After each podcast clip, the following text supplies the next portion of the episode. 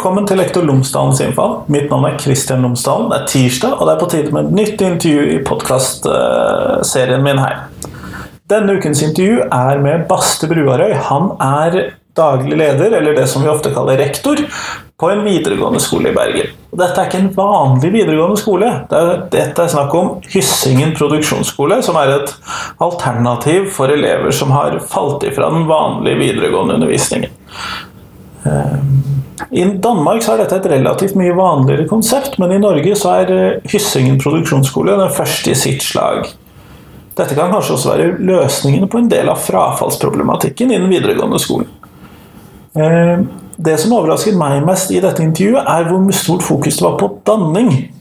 Et begrep som vi ofte da har eh, tenkt på som i eierskap til den studiespesialiserende eller allmenne videregående linjen. Eller kanskje til og med universitetet.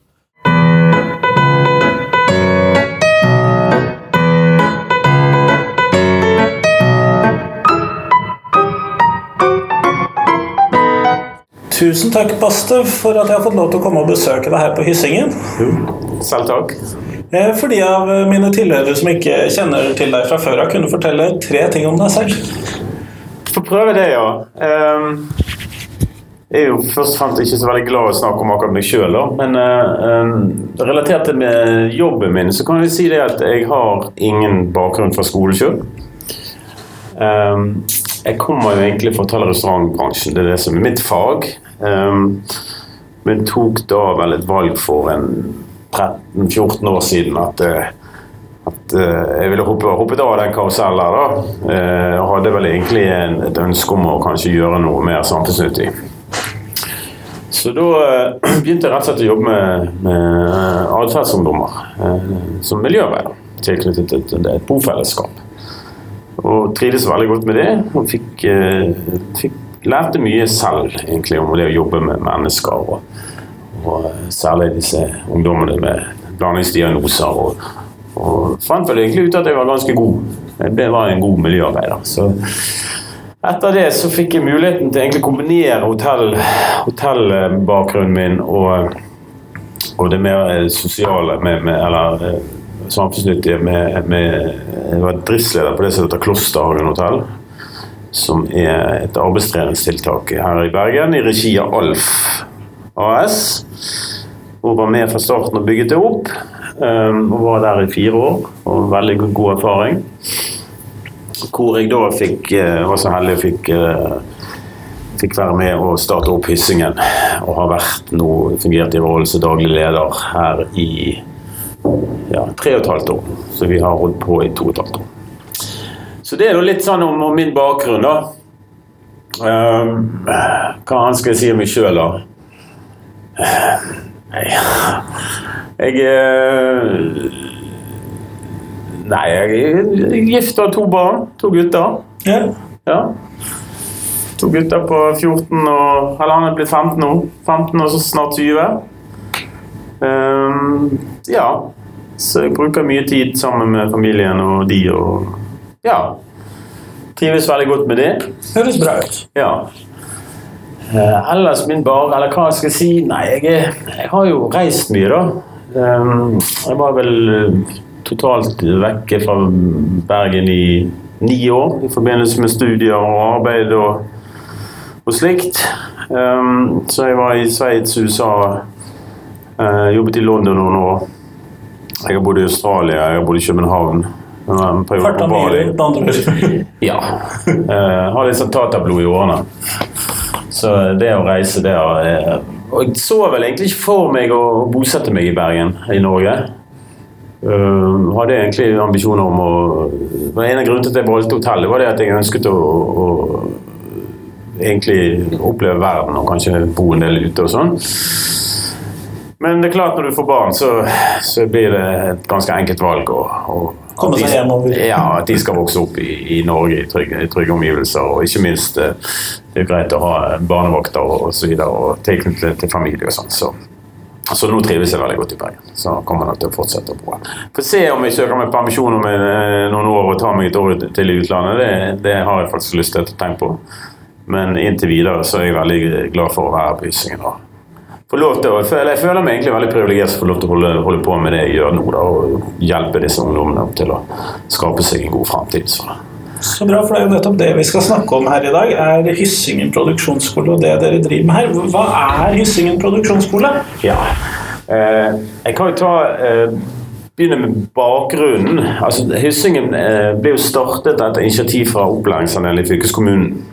Eh, så eh, de begynte vel å jobbe med eh, Eller det var en idé som kom ut av et prosjekt som het Ny GIV, som, som rettet mot å redusere frafallet i videregående opplæring. Så formålet til Hyssingen er å redusere frafallet i videregående opplæring. Hva en produksjonsskole er?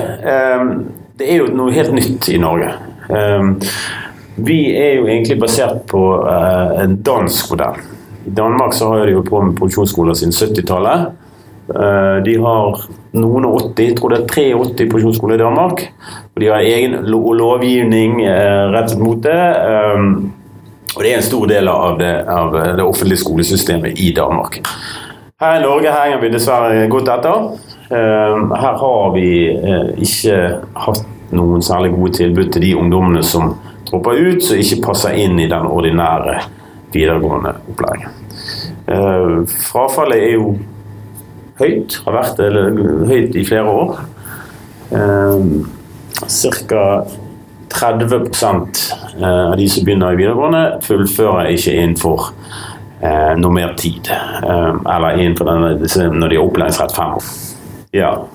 Hvor vi er jo den skolen hvor de som ikke har lykkes, skal lykkes.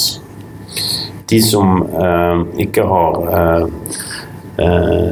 gjerne trives i ordinær skole, skal finne en trygg og, og god arena hvor de kan oppleve mestring.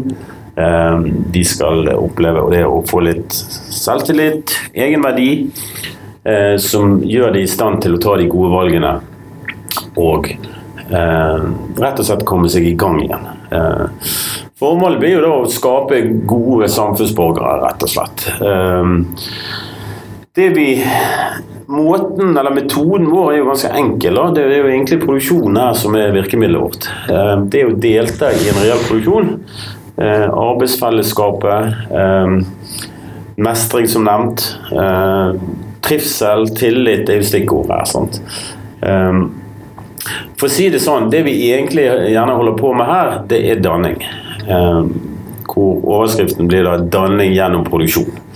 Eh, hvor dannelsesbegrepet eh, henger veldig høyt hos oss. Eh, hvis du skal overføre det til ordinær skole, så kan du si det at den generelle delen av læreplanen er gjerne den vi er mer opptatt av. Dette Dere er mer der enn på de vanlige læreplanene? Ja. Vi prøver på en måte, Nå, nå jobber vi med å, å oversette og inkludere kompetansemål og, og sånn, sånn at det kan få en, en verdi ut ifra det at de kan gjerne få godkjent det noe som er ute mot altså, Nå er jeg på eh, kompetansemål på, som lab for lærlinger. da. Men det er ikke det som er viktig for oss. Det viktigste for oss er å gi disse ungdommene eh, en danning gjennom å delta i vår reelle eh, produksjon. Ja, rett og slett. Um, og det ser vi fungerer det er jo noe som har fungert i hundrevis av år. det Delta i arbeidslivet og på en måte lære seg de normene som er der. Um, så det er ganske enkle virkemidler. Um, men det er rett og slett skape en arena hvor ungdom kan lykkes gjennom å delta i produksjonen vår, og alle her vil oppleve mestring. da. Eh, på sitt nivå. Så vi, vi, vi, er veldig fleksible hvor vi legger til rette for medvirkning blant ungdommene. Og, og møter deres på deres interesser og på deres evner, sånn at vi kan gi de gode mestringsopplevelser. Som, som skal gi eh, Ja, jeg kan snakke mye om danning. Det, det er ganske komplisert. Eller det er ganske, ikke komplisert, men det er komplekst. at Det handler om eksistensialisme, å se seg sjøl. Og det handler like mye om sosialisering. Det å delta eh, sammen med andre og skape noe sammen med andre. Og så har du òg en del utfordringer med hensyn til eh, Kirkegård nevner dette om tilegnelsesproblem som en del av den danningen. Hvor forståelsen av det eksistensielle må komme innenfra eh, hos den enkelte.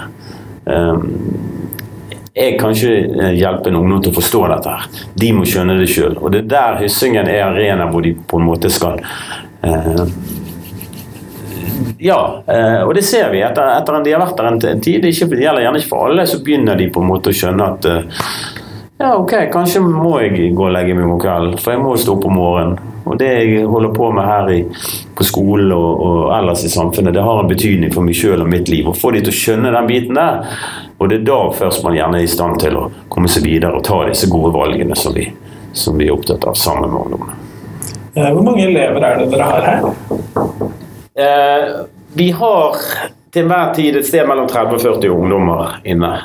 Eh, vi har jo kontinuerlig inn- og utskrivinger, så vi følger jo ikke skoleåret sånn sett. Så her begynner det ungdommer hele året, egentlig. Men eh, på maks så ligger vi rundt 40, 40 ungdommer. Så har vi eh, jeg har totalt, Vi er totalt ni årsaker. så jeg har åtte medarbeidere. Hvor syv av de jobber direkte ut mot ungdommene. Ganske høy lærertetthet. Ja, én på seks. Det er luksus. Ja, ja. Absolutt. Men vi har funnet ut at sånn må det være. Ehm, For at den enkelte skal bli, skal bli sett, og, og den tette oppfølgingen som, som, som trengs, så, så eh, må det være sånn. Det er det som fungerer. Én på seks, rett og slett. Ehm, Det vi òg ser, det er jo det at mange av disse ungdommene som kommer inn til oss, har utfordringer med hensyn til sin psykiske helse. Og krever ekstra tett oppfølging. Eh, og det er faktisk noe litt eh, Jeg har brukt en del tid på dette her og prøve å forstå eh, hva som skjer der ute med ungdommene. Sant? Eh, og det er um, ungdommene nå, disse her generasjon prestasjon som de kaller seg eller blir omtalt som, eh, er egentlig ganske bemerkelsesverdig, de. Med tanke på at de, de er veldig snille og greie. ja, de er veldig snille og greie. Ja. Eh, alle statistikker sier jo det. pensel-kriminalitet og røyking og alkoholbruk. Og de er flinke å trene og, og sånn, og de er ambisiøse og flinke og greie. Men samtidig så er de sårbare. Det ligger en del eh, eh, Det er mye, mye angst der ute. Mye depresjon. Eh, selvfølgelig er diagnoser òg, altså, men eh, Så det, det er en stor del av vår hverdag. Eh, jeg vil anslå at i overkant av 80% av de ungdommene som er inne hos oss nå, har en, har en utfordring med hensyn til sin, sin psykiske helse. Det er jo ganske mange. Egentlig for mange. For vi er ikke en spesialskole. Vi, vi har ikke egentlig den kompetansen til å, til å øh, Altså, vi, vi driver ikke med noen form for behandlinger. Um, og vi, der driver vi og pusher egentlig hva, hva, egentlig hva som er forsvarlig, og hva vi kan ivareta her. Men samtidig så er det de ungdommene vi har. Det er de ungdommene som blir søkt inn her. Det er mange av de som, som, som, har, som har utfordringer med sin psykiske helse. Og da, da, da selvfølgelig tar vi imot dem på en god måte. Um, men derfor trenger vi eh, små grupper. Ja. Ja. Og det handler mye om sammensetning på verkstedene. sant? Eh, prøve å skape en god balanse hvor vi har noen som, som på en måte kan gjerne sitte litt i førersetet, og så har vi andre som gjerne sliter litt mer, så vi kan ivareta de og, og, på en god måte. Så. Og skape trygghet og Ja, absolutt. Og det har, vi, det har vi klart å skape. Vi har en skole som, som er inkluderende. Um, ingen mobbing, iallfall i henhold til de elevundersøkelsene vi har hatt. Så er, det, så er de De fungerer veldig godt sammen, de ungdommene som er. Vi, vi opplever kanskje at de er litt sånn De, de føler de er litt i samme båt. sant? At de tar godt vare på hverandre. Vi har et godt miljø på skolen. og det, det er jo selvfølgelig veldig viktig. blir det en type hjem her da, på en måte for disse Ja, de får, de får eh, etter hvert et, et, et ganske godt, fint eierskap til, til skolen og hverdagen sin. Og, og, og føler at dette her er- man- Jeg tror de, de føler at dette er Eller jeg vet at, at de syns dette er et, godt sted å være, og her, her trives de. Det, og det, det må de. Skal vi, skal vi lykkes, så må de ha et, et trygt sted hvor de trives. Og det, det har vi skapt sammen. Ja. Eh, Hva slags forskjellige typer linjer er det du har her? Vi har bygg og anlegg. Der jobber vi mye med betong, betongfaget, eh, men også andre innenfor bygg- og anleggsteknikk, snekring og litt forskjellig. Så eh, har vi kulturverksted. Der er det fokus på musikk eh, og egentlig film, foto. Så vi har egentlig to, to linjer der innenfor kulturverkstedet. Så det er restaurant- og matfag. Eh, Der har vi et hovedkjøkken hvor vi produserer annen catering. Vi spiser frokost sammen hver dag, alle mann, så da lager vi frokost sjøl. Av og til lunsj. Så drifter vi jo en kafé eh, som ligger her i Møllersveien. Jeg testet ut skillingsbollen til kafeen, de var jo veldig gode. Ja, ja. Nei, de, de er veldig flinke. Det, det er veldig bra, det de, det, de serverer der borte. Og så nå i høst åpnet vi opp design- og håndverkverksted. Og Der jobber de med ja, en del tegling og maling, og driver mye med tekstil, syr ned plagg, keramikk, sånne ting.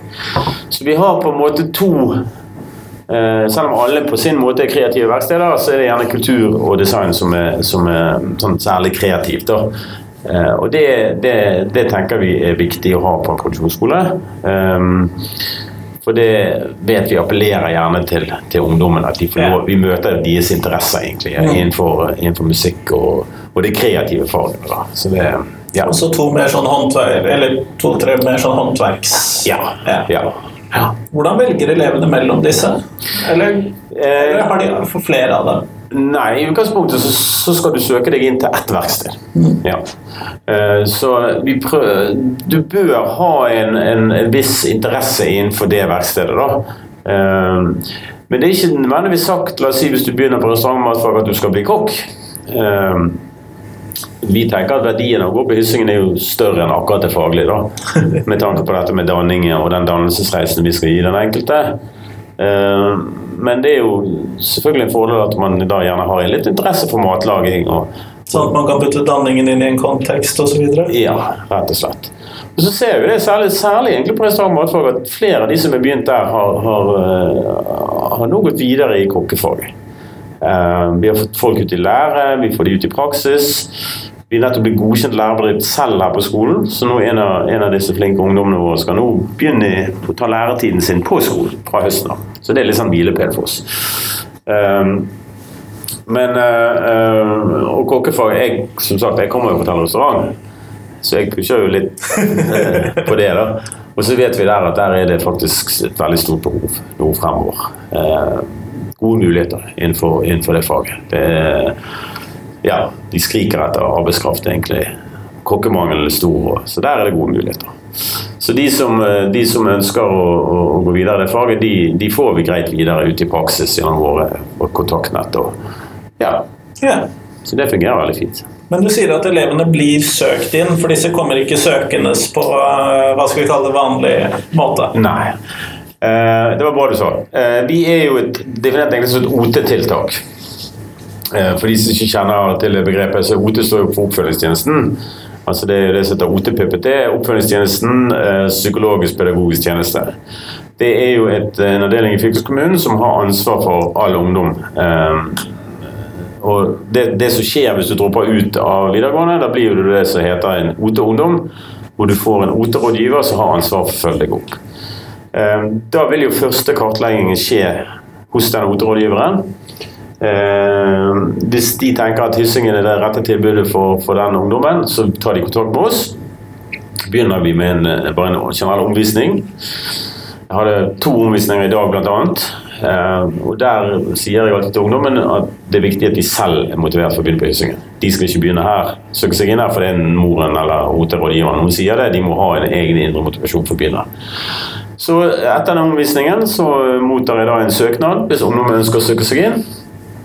Uh, og da tar vi de inn på en, uh, en samtale. Uh, ikke kalle det for et intervju, men det blir på en måte hvor vi blir litt bedre kjent. og da vil da ungdommen begynne. Men det, som sagt, da må de søke seg inn på ett verksted hvor de begynner. Og så gir vi de to uker typ avklaring, prøveperiode. egentlig for å teste ut om de faktisk kommer. Og så får de kjenne litt på om dette er det rette tilbudet for de. Ehm, så etter to uker, eh, hvis alt er i orden, så skriver vi en kontrakt, og da er de i gang. Og Da kan de være hos oss i opptil ett år. Ja, nettopp. Så dette er et sånn midlertidig tilbud, da? Ja. ja. Eh, for noen, der det er helsesmessig, så kan vi utvide vi til litt mer enn et år. da. Kanskje halvannet der hvis vi ser at det, det, er ønskelig. Men i utgangspunktet så skal de være hos oss i ett år. Og i løpet av den tiden her så skal vi da finne ut hvor er veien videre, og hjelpe de ut i jobb eller utdanning eller hva det måtte være. Ja. Ut fra hva som er riktig for de. Akkurat, ja. Klart det, Hvis du er 16 år, så er det ikke sikkert du Jeg visste ikke hva jeg ville bli når jeg var 16 år. Sånn. Så det å bruke tiden her godt og, og ha å ha eh, rett og slett å finne ut av hva man eh, ønsker, og gjerne hva man ikke ønsker. Og, og for det, for, der, men vi har ikke, egentlig fokus på det før egentlig siste halvår. Første halvår så snakker vi ikke så mye om veien videre. Der gjelder det å, å, å stabilisere oppmøtet sitt her. Uh, ja, og rett og slett trives og være med og være en del av laget her, liksom. Og så på etter si, siste halvåret, da er vi litt mer på fokus, fokus over på okay, hvor hvor, hvor, går veien? Hvor går veien videre, rett og slett. Og det ja, Samarbeidet gjør vi tett sammen med OT-rådgiver og, og ja, kontakte bedrifter. Prøve å få de ut i praksis. Så de aller fleste som er her et år, vil ha eh, gjerne en uke eller to i bedrift, hvor de får, får eh, ja, kjenne litt på det. Så dette er en ganske sånn yrkesnær skole, da, med andre ord? Veldig, ja. Vi er, altså, vi er, på mange måter mer en bedrift enn en skole. I den forstand at vi, vi har ikke noe pens, vi følger ikke noe pensum her. Vi har ikke noen lekser, vi har ikke noen bøker, vi har ikke noen prøver. Her jobber vi, rett og slett. Så du er, du er egentlig en del av, av eh, en, et arbeidsfellesskap som jobber sammen. og uh, men òg kan du si tilpasset tilrettelagt etter den enkeltes evner. Ehm, men det å delta i denne reelle produksjonen, det er jo det som er litt av stikkordet. At de føler at de, at de, er med på noe som er eh, ekte og reelt. Og så gjerne eh, jeg må, komme, jeg må komme, for de trenger meg. For vi skal, vi skal, eh, vi skal gjøre det og det og lage det og det til den og den kunden. sant? Um, Um, og Det vi kanskje er særlig opptatt av her, og det viktigste vi skal lære dem, det er akkurat det å komme. Tidsstruktur. Få dem til å forstå at de må, de må komme hver dag. Du må gå og legge deg om kvelden. Livsmestring og så videre. Ja, ja, ja. Um, og liksom, for det, alt begynner der. Hvis ikke de kommer her, så kan ikke hjelpe dem. Hvis ikke de klarer å stille. Da kan ikke vi anbefale de ut uh, i arbeidslivet. Så det, um, det har vi veldig fokus på. Oppmøte. Jeg så dere hadde en sånn skal vi kalle Hyssing-doktrinen. Ja, ja, ja. ja, ja. Jeg måtte da ta bilde av den. Ja, ja, ja. Legge den til i shownotesen. Ja, det, det, er bare enkle spilleregler som vi har. Sant? Blant annet dette med vi stiller presis hver dag. Sant? Eh, hvis, hvis, vi forsover oss eller ikke kan eller har en avtale, så gir du beskjed for forkant. eller du gir beskjed. Så det er egentlig følge de normene som er i arbeidslivet. Enkelt og greit. Få de å forstå det at uh, det er viktig å komme. det eh, rett og slett prioritere litt. Sant? Ta, ok, nå, dette, dette, er viktig for meg. Og Da er vi tilbake med danningen og den eksistensialismen og skjønne det at, at, uh, at det, du, det, du, gjør her og, og ellers, at det, det, har betydning. Sant? Det har betydning for, for, for, den enkelte og meg sjøl og min fremtid. og Få de til å se lyset litt, rett og slett. Ja. Ja. Eh, og dette her det dreier seg for det meste da om uh hva skal vi kalle det sånn, yrkesnær livsmestring. Mm. Men i, sånn, på det personlige planer i forhold til egen person, i, i hvilken grad får dere med den type livsmestring inn i dette? Eller er, er, det ikke noe fokus på det sånn her? Jo, det blir jo det. Sant? Det er klart de kommer inn her med livene sine. Sant? Uh, og vi ser jo det hele mennesket. Så vi uh, Altså, vi vil jo og etter hvert, når vi blir kjent med de, og de får tillit til oss, eh, så, så må jo vi på en måte Men det er jo viktig å ha den rette rollen der. sant? Eh, det kjenner jo du til som pedagog og andre pedagoger. Sant? At du må på en måte ha en, et, et sunt forhold, eller riktig Finne den riktige rollen. Uh, men det er klart mange av disse ungdommene som kommer inn her, har hatt en tøff start på livet. sånn Ehm, de har utfordringer eh, utenfor skolen. Det kan være utfordringer med hensyn til rus. Det kan være ungdommer som gjerne har, kommer gjennom barnevernet. Som, det kan være mange ungdommer som ikke har noe sosialt nettverk. Ungdommer som har blitt mobbet mye, sant? blitt ekskludert opp igjennom. Så da blir vi, må jo vi selvfølgelig være den gode rollemodellen uh, og hjelpe de ut fra akkurat det faglige som skjer på verkstedet. Sant? Og være den trygge voksenpersonen og, og hjelpe de og, og, Men av og til så, så er det Det oppleves altså, kan, Du kan ikke hjelpe dem, men, men bare det å lytte. Ja, kanskje viktigste blir det å skape den mestringen de ikke har klart ja, tidligere. Ja. Og Det er det som er vårt hovedfokus. da Men, men, vi blir jo selvfølgelig en del av disse ungdommene sitt liv. Vi blir jo den, gjerne den trygge rollemodellen. Og da må jo du, må jo du selvfølgelig hjelpe og, og, lytte til dem. Og, og, og, for de tar jo med seg sine liv inn på skolen og sånt. Um, så vi prøver eh, etter beste evne å hjelpe dem på alle områder. Ja, for, for, meg som lærer i en offentlig, ikke en offentlig, men i en, uh, hva skal vi kalle det, normal videregående skole, mm. så høres jo denne virkeligheten her relativt annerledes ut enn hva jeg da er vant med mm. til vanlig. Selv om jeg også må si at jeg har reduserte elevgrupper, mm. siden jeg har 15 elever. Mm. Men det er jo noe annet enn nede i seks stykker, og hvor alle sammen har en en eller annen form for tydelig grunn til å være der. Da. Så, mm. Med diagnoser eller andre ting i livene sine eller lignende. Ja. Mens mine ofte er uten sånn ja. Oftere en høyere andel der. Ja. Så det høres ut som en veldig annerledes hverdag. Ja, det blir jo det. Um, en stund siden jeg gikk på ordinær skole, da. så egentlig eh, Kanskje det spørsmålet bør gå til noen ungdommer, hvordan de altså, forklarer det bedre. da. Ehm, men det er jo annerledes i den forstand at her er ikke det hos på Hyssingen så, så, er ikke det nødvendig at det er ikke noe som skal lære noe bestemt. Det er ikke definert hva den enkelte skal lære. De skal mestre, men ikke nødvendigvis noe. Ja, altså du kan si det sånn at Hos oss så skal ikke de nødvendigvis lære et fag, men vi skal gjøre de i stand til å lære et fag. Um, så kan du si hva den enkelte skal lære, er jo definert ut ifra eller for å si det sånn, Fellesnevneren er at alle skal gjennom denne dannelsesreisen. Det blir fellesnevneren. Alle skal, skal, oppleve denne her egenverdien og mestringsopplevelsen som gjør at de, at de, vokser og at de får selvtillit og egenverdi og alle disse tingene. Det, det er fellesnevneren for alle. Men hva den enkelte skal lære eh, faglig, det blir individuelt. Yeah. Ja. Og vi legger jo til rette for stor grad av medvirkning. Sånn at ungdommene selv skal få lov å ha medvirkning til sin egen læring. Og det er jo kanskje litt annerledes eh, fra den ordinære skole. Vi, alle som går her, får jo det et skussmål. Vi har valgt å kalle det et skussmål, som er en form for et kompetansebevis. Men det vi gjør her, det er det at ungdommene selv er med på å utforme sitt skussmål. Helt fra, helt fra de begynner. Hvor de setter seg mål eh, sammen med verkstedslederne eller, eller, de som, som, jobber med ungdommene. Eh, og de selv på en måte får et eierskap til sin egen utvikling. Sånn at de definerer selv eh, ok, nå skal jeg jobbe med det og det prosjektet. Og så har vi samtaler som gjerne går tilbake. ok, har vi oppnådd det, Og så setter vi oss nye delmål underveis. Så de får et veldig sterkt eierskap til det de, de, faktisk holder på med. Og de får en medvirkning. Altså vi har jo selvfølgelig, Når vi påtar oss oppdrag, så må jo alle være med. Uh, og Det er veldig fokus på dette med vi. Sant? Det er ikke jeg som skal noe, det er vi sammen som skal gjøre noe.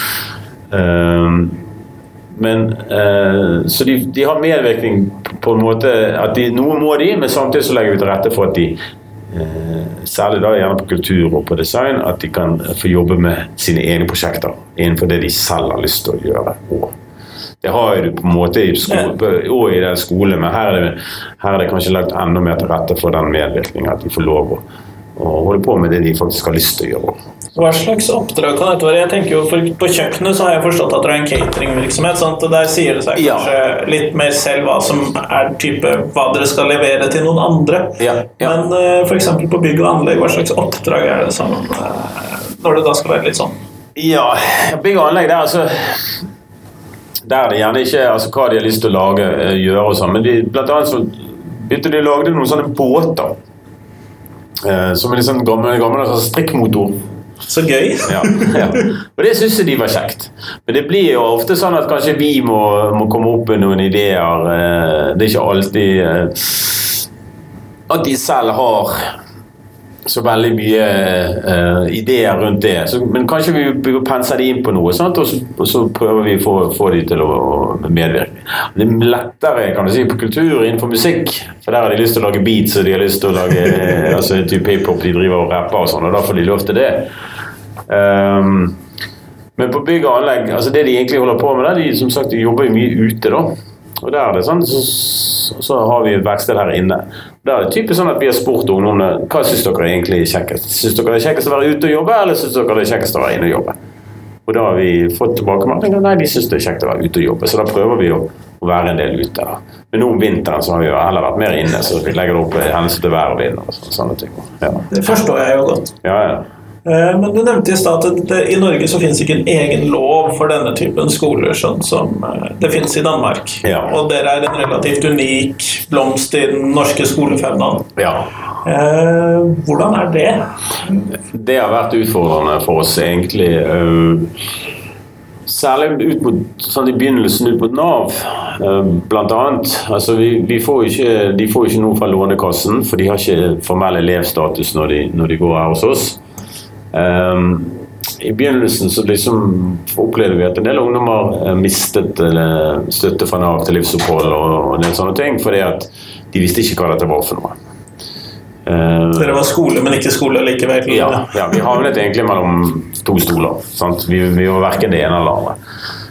Men nå er det blitt mye bedre. Nå har vi brukt to år og fått stor hjelp fra eh, ledelsen i særlig for OT der og jobbet ut mot Nav og, og, og liksom eh, at folk er mer eh, på hva og hyssingen er for noe. Og, og at, eh, at de ungdommene som går her, eh, ikke mister disse rettighetene som de har hatt av lovt. Så det, det, det er kommet, kommet mye lenger. Men det er klart at når du starter noe helt nytt sånn som dette, det er jo liksom pionerprosjekt, så, så, eh, så har ikke vi passet inn noen steder. Sant? Det var det jeg kunne forestille meg. Og vi, vi har sjøl kanskje slitt litt med å definere hva er vi egentlig for noe. Sant? Ok, vi er ikke en skole, vi er en produksjonsskole. Hva er en produksjonsskole? Skal du prøve å forklare det? Sånn. Men sakte, men sikkert så, så føler vi at vi har fått ganske bra aksept der ute. Sant? At folk er blitt mer observant på hva vi er for noe. Nå er vi definert som et OT-tiltak, da. Um, og det har allerede begynt å jobbe med en, enda en produksjonsskole i Holland. Ehm, vi, jeg har vel hatt kontakt med en åtte eller ni fylker som er veldig interessert i Hyssingen. Så det kan se ut som at dere begynner å spre dere. Ja. Jeg, jeg, jeg tror det at i løpet av eh, fem til ti år så vil det dukke opp flere eh, produksjonsskoler i Norge, og dette vil bli, bli, bli, spre seg utover landet. Jeg vet i, i Rogaland, Østfold og Oppland driver de nå og undersøker og søker midler på å prøve å få i gang noe tilsvarende. Så eh, behovet er jo stort. Ja, Man må jo få til noe for de som da ikke passer nødvendigvis rett inn i yrkeslivet, og som ikke tydeligvis passer så godt på. Ja. Og jeg, eh, jeg tenker videre at eh, at det vi må prøve å få til her, det vi må være tidligere ute. Eh, Det er jo sånn i Norge at her eh, må du på en måte gå på trynet. da. Du må feile før du eventuelt får hjelp til får hjelp.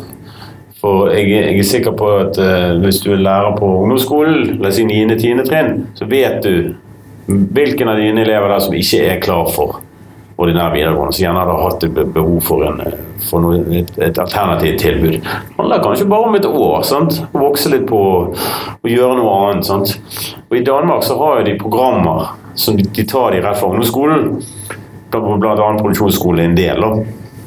Det er også noe som heter KU, som er mer sånn arbeidspraksis. Eh, eh, hvor de kan jobbe i en bedrift i to år og få seg et diplom og komme seg videre. Altså det er, her, men her i Norge skal alle inn i samme kvelden, og, og det vet vi at 40% på yrkesfag og oppimot 30% på studiespesialisering ikke lykkes og dropper ut. Eh, Det vi videre vet, er at halvparten av de som dropper ut, blir jo langvarige trygdemottakere i Nav. Det er jo selvfølgelig dyrt for samfunnet sånn samfunnsøkonomisk, i tillegg til selvfølgelig den personlige For å si det sånn, det er ikke veldig mange ungdommer jeg skal hjelpe videre til eh, ut i jobb eller utdanning før denne skolen har betalt sin del. altså. Det er faktisk ikke mange i det hele tatt. Uh, I Norge i dag, for å gi noen statistikker på akkurat det der, så har vi, ligger det på litt over 100 000 eh, de- av de som kalles for NEAT-ungdommer. Altså NEET, så det er engelske akronymet for Not in Employment, Education Training. Altså ungdom som ikke Ikke gjør noe av det. ikke gjør noe. Ja. Ja. Um, og det er over 100 000 ungdommer i Norge i dag. Um, Av ca. 1 million ungdommer. ja, noe sånt. 1,3 millioner, 1,2 Ja. millioner ungdommer. ja. 40 000 av de er jo helt utenfor samfunnet. De, de får mottar ikke noe, noe fra Nav eller noe som helst. Um, så eh, ja, det er, det er for mange. Ser ikke ut som du mangler kundegrunnlag helt ennå, da. Nei, altså Vi har jo ventelister, vi. Vi kunne, her, står det, her er det kø for å begynne. Så, så behovet er stort for et alternativt tilbud til noen der skoler. Og det begynner folk å skjønne. Altså, det er jo, det er jo litt sånn det er på Hyssingen, Vi møter jo veldig velvilje fra alle. Alle skjønner jo at dette her eh, trengs. At dette er et bra tilbud. At dette er nyttig. Men, eh, men at vi fremdeles er den eneste i Norge Det er jo litt deprimerende. Det er jo det. De har ett noe som heter Arbeidsinstituttet i Buskerud som er tilsvarende, så de holder på med noen år. Um, og så har de en del små tiltak rundt i, fylke, i de ulike fylkene og en del som jobber med, med dette her, men det er altfor lite.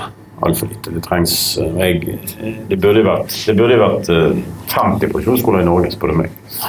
Absolutt. Som fra mange nok, ja. Ja. Eh, Men eh, den offentlige, eller den normale videregående skolen vil jo da enten yrkesfag eller eh, eh, studiespesialiserende vil jo aldri kunne kopiere dere på noen sånn eh, fullstendig måte. Men hvis du skulle plukke ut noen av de tingene som Hyssingen gjør, som kanskje man kunne fått innført i eh, ordinær videregående, hva tenker du at kunne gjort Hva skal vi kalle? At dere fikk færre søkere? Det er vel det kanskje jeg er litt ute etter. Ja, ja, ja. Jeg skjønner. Ehm, det er et godt spørsmål. Uh, prøve å svare på det. Altså, hva, hva den ordinære skolen kunne gjort, som vi, som vi gjør. Eh, for å si det sånn, det, for, for å sammenligne med ordinær skole, så er jo kan du, For å oversette det litt, så er jo vi mest opptatt av det som heter den generelle læreplanen. Ja. Hvor eh, i, I den ordinære skolen så ligger jo selvfølgelig fag, fagplan, eller hva det heter, altså kompetansemålet ligger først, og så kommer den generelle læreplanen bak. Hos oss så har vi på en måte byttet, Ja. sånn at den generelle læreplanen eh, er først. Eh, nå er jo det sendt ut en ny høring på den på ny generell læreplan. Den overordnede. Ja, og, og det er jeg veldig glad for. Den som var, var tok utgangspunkt i loven, og så var det en masse fine ord, men egentlig ganske utydelig. Eh, Den nye er veldig mye mer konkret, og det er overskrifter der som er direkte rettet mot dette med danning. ansvar, samfunnsansvar, eh, miljø, sånne ting. Eh, og det er bra. At man på en måte får revurdert den nye generelle læreplanen, og at den kanskje kan være vel så viktig. Det vi, det vi er opptatt av i denne skolen, her, det er jo bare det er resultater. Prøver. Teste disse ungdommene. sant? Um, jeg tror vi Jeg tror dette med at vi er her At vi lar ungdommene sin kreative sider få blomstre på Hyssingen, eh, det tror ikke vi er flinke nok til når det er skole her. Så det tror vi kan eh, lære noe. Det å være kreativ, eh, det er jo på en måte jeg syns vi setter for mange begrensninger på å utforske ungdommen sine kreative sider i ordinært. Pga. alle disse kravene om å levere resultater, levere prøver, altså eh, skape eh, Testingen mot kompetansemål hele tiden. Testingen mot kompetansemål hele tiden. At det er liksom blitt det som er det absolutt viktigste. Og at vi på en måte glemmer at det er masse eh, ungdommer som har masse kreative evner, men de får ikke, de får ikke brukt det, for alt blir styrt ut ifra kompetansemål og den testingen der. Eh, og jeg har ikke noe oppskrift på hvordan man skal få det til. det har jeg ikke. Men, men for å prøve å gi et svar på spørsmålet ditt, så, så tenker jeg at det er noe som man kan se til Hyssingen. At her, her lar vi ungdom få lov til å utvikle sine egne kreative evner. Vi får lov å bidra på, på en helt annen måte enn hva de klarer i nærskolen. Og ikke det prestasjonspresset. Ja, selvfølgelig. Altså det med prestasjon Vi lever jo i et prestasjonssamfunn. Eh, og Det er kanskje en del av grunnen til at vi har en del av disse her angsten og denne flink pike-syndromet. Og vi har vært med på å skape rundt det. Det er jo vanskelig å snu en sånn utvikling, da. Men, men, eh, men eh, samtidig så, så tror jeg at, at det der prestasjonsgreiene, det er ikke eh, jeg kan jo bruke meg selv som eksempel. Jeg, som jeg sier til disse ungdommene som, som begynner her, og som gjerne har litt eh, angst og sånn, det handler om to ting. Du må prioritere. Du kan ikke være god i alt. Du, du må velge det. Eh, altså, det er lov å feile på noen områder. Um, og så sier jeg at du må rett og slett lære deg å gi litt faen. Du må ikke, du må ikke Det vil helst gå godt. Sant? Og det er faktisk meg sjøl. Bruker litt som eksempel. Jeg ja, jeg var aldri noe veldig gode karakterer og skolelys og, og sånne ting. Det har jeg aldri vært. Og ga egentlig litt blaffen i skolen opp igjennom. Um, men det vil helst gå godt. Så lenge du fortsatt beveger deg innenfor systemet, eller så lenge du ikke faller helt ut, så Så lenge ikke du faller helt ut, ja. ja absolutt. Det, det, for det at vi ser det at de ungdommene som, som kommer inn her, som gjerne ikke har hatt noe å gjøre på i et år, og isolere seg helt, det er selvfølgelig uh, ikke bra. da er det tøft å lære å stå på morgenen. Ja. Lediggang er faktisk roten til alt ondt. Altså. Det, det, det ligger mye der. Altså. Den protestantiske arbeidsetikken ligger grundig i bånn her. Ja, ja, ja. Absolutt. Ja. Um, hvis vi nå da skal avslutte podkasten avslutte intervjuet, så har jeg jo mitt faste spørsmål. ja. Og da lurer jeg selvfølgelig på hva ville Baste Bruarøy gjort som skolediktator? Er du fritt budsjett, fritt mandat? Hva er det du, hvor ville du startet? Hva ville du gjort? Ja, hva ville jeg gjort? Nei, jeg har lyst til å bruke Finland som et eksempel. Jeg. Hva de får til der borte. Eh, og det de har gjort i Finland, de har jo eh, klart å lage læreryrket til et statusyrke. Eh, jeg husker ikke helt tallet derfra, men det er veldig vanskelig å komme inn på lærerstudiet i Finland. Det er blitt et høystatus, på lik linje med eh, løftet opp gjerne som lege eller, eller andre. Eh, så jeg ville begynt der. Jeg ville begynt med lærerne. Det er utrolig mange flinke lærere i den norske skole. Det er mange som, eh, som gjør altså, Det er ikke det jeg sier, men jeg tror vi kunne løftet det enda mer ved å, ved å ved skapte, altså, laget et, et, et, eh, mer status for selve læreryrket. Eh, Selvfølgelig gjennom lønn. Det er mye det det går i. sant? Ja. Men også andre, altså tettere, tettere og, og gjerne mer ressurser inn mot lærerutdanningen. Så jeg ville begynt der. Jeg tror det, det, det, det ville gjort, gjort store utslag. Eh, Læreren er en utrolig viktig person i en ungdom sitt liv. sant? Vi husker alle de gode lærerne vi hadde, vi husker også de dårlige lærerne vi hadde. opp igjennom, sant? De midt imellom er litt verre å huske. Ja, det, det er sant. Ja. Um, så er jo det òg en del eh, For å bruke Finland igjen som et eksempel. Da, det er jo dette at der begynner de nå å gå vekk fra fag. De, eh, det er noen prøveprosjekter der borte hvor, de, hvor du velger deg mer et område, et studieområde, da. Eh, og de baker inn da, eh, la oss si matte og naturfag og samfunnsfag inn i dette her. Så og, og, se på det, så se de resultatene der, og prøve på en måte å legge om strukturen. At ikke nå har du matte, naturfag, tysk, eh, engelsk, norsk den dagen der. Men å på en måte lage eh, eh, en struktur som, som Særlig da gjerne på yrkesfag. Sant?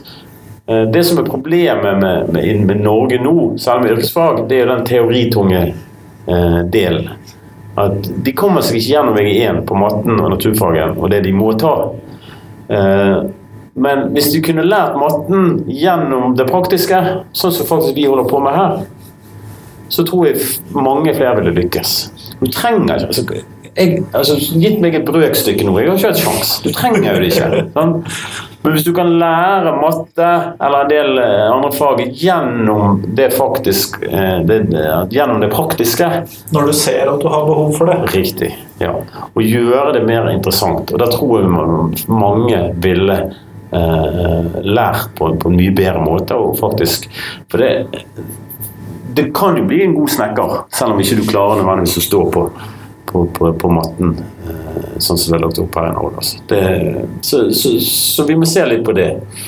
Eh, jeg tror jo det, for å si det på yrkesfag, jeg tror det med dagens skolesystem eh, Hvis du har, 40, du har 40 frafall på, på, på yrkesfag, så tror jeg at halvparten av de, altså 20% av de som dropper ut, ikke har en sjanse til å gjennomføre med dagens system.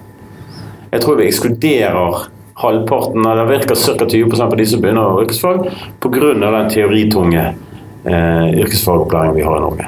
Så det ville jeg sett på. Jeg ville, jeg ville gjort en god del endringer med hensyn til eh, fellesfagene. og hvordan, eh, hvordan det er lagt opp. Eh, og heller eh, bake det inn eh, i, det praktiske og få ungdom til å lære på den måten. For det, det, det gjør vi her, og da, da skjønner vi. Det ser vi at det fungerer. Ja. Kjempeflott, det hørtes bra ut. Ja. Tusen takk for at jeg har fått lov til å komme og snakke med deg. Selv takk. Bare hyggelig.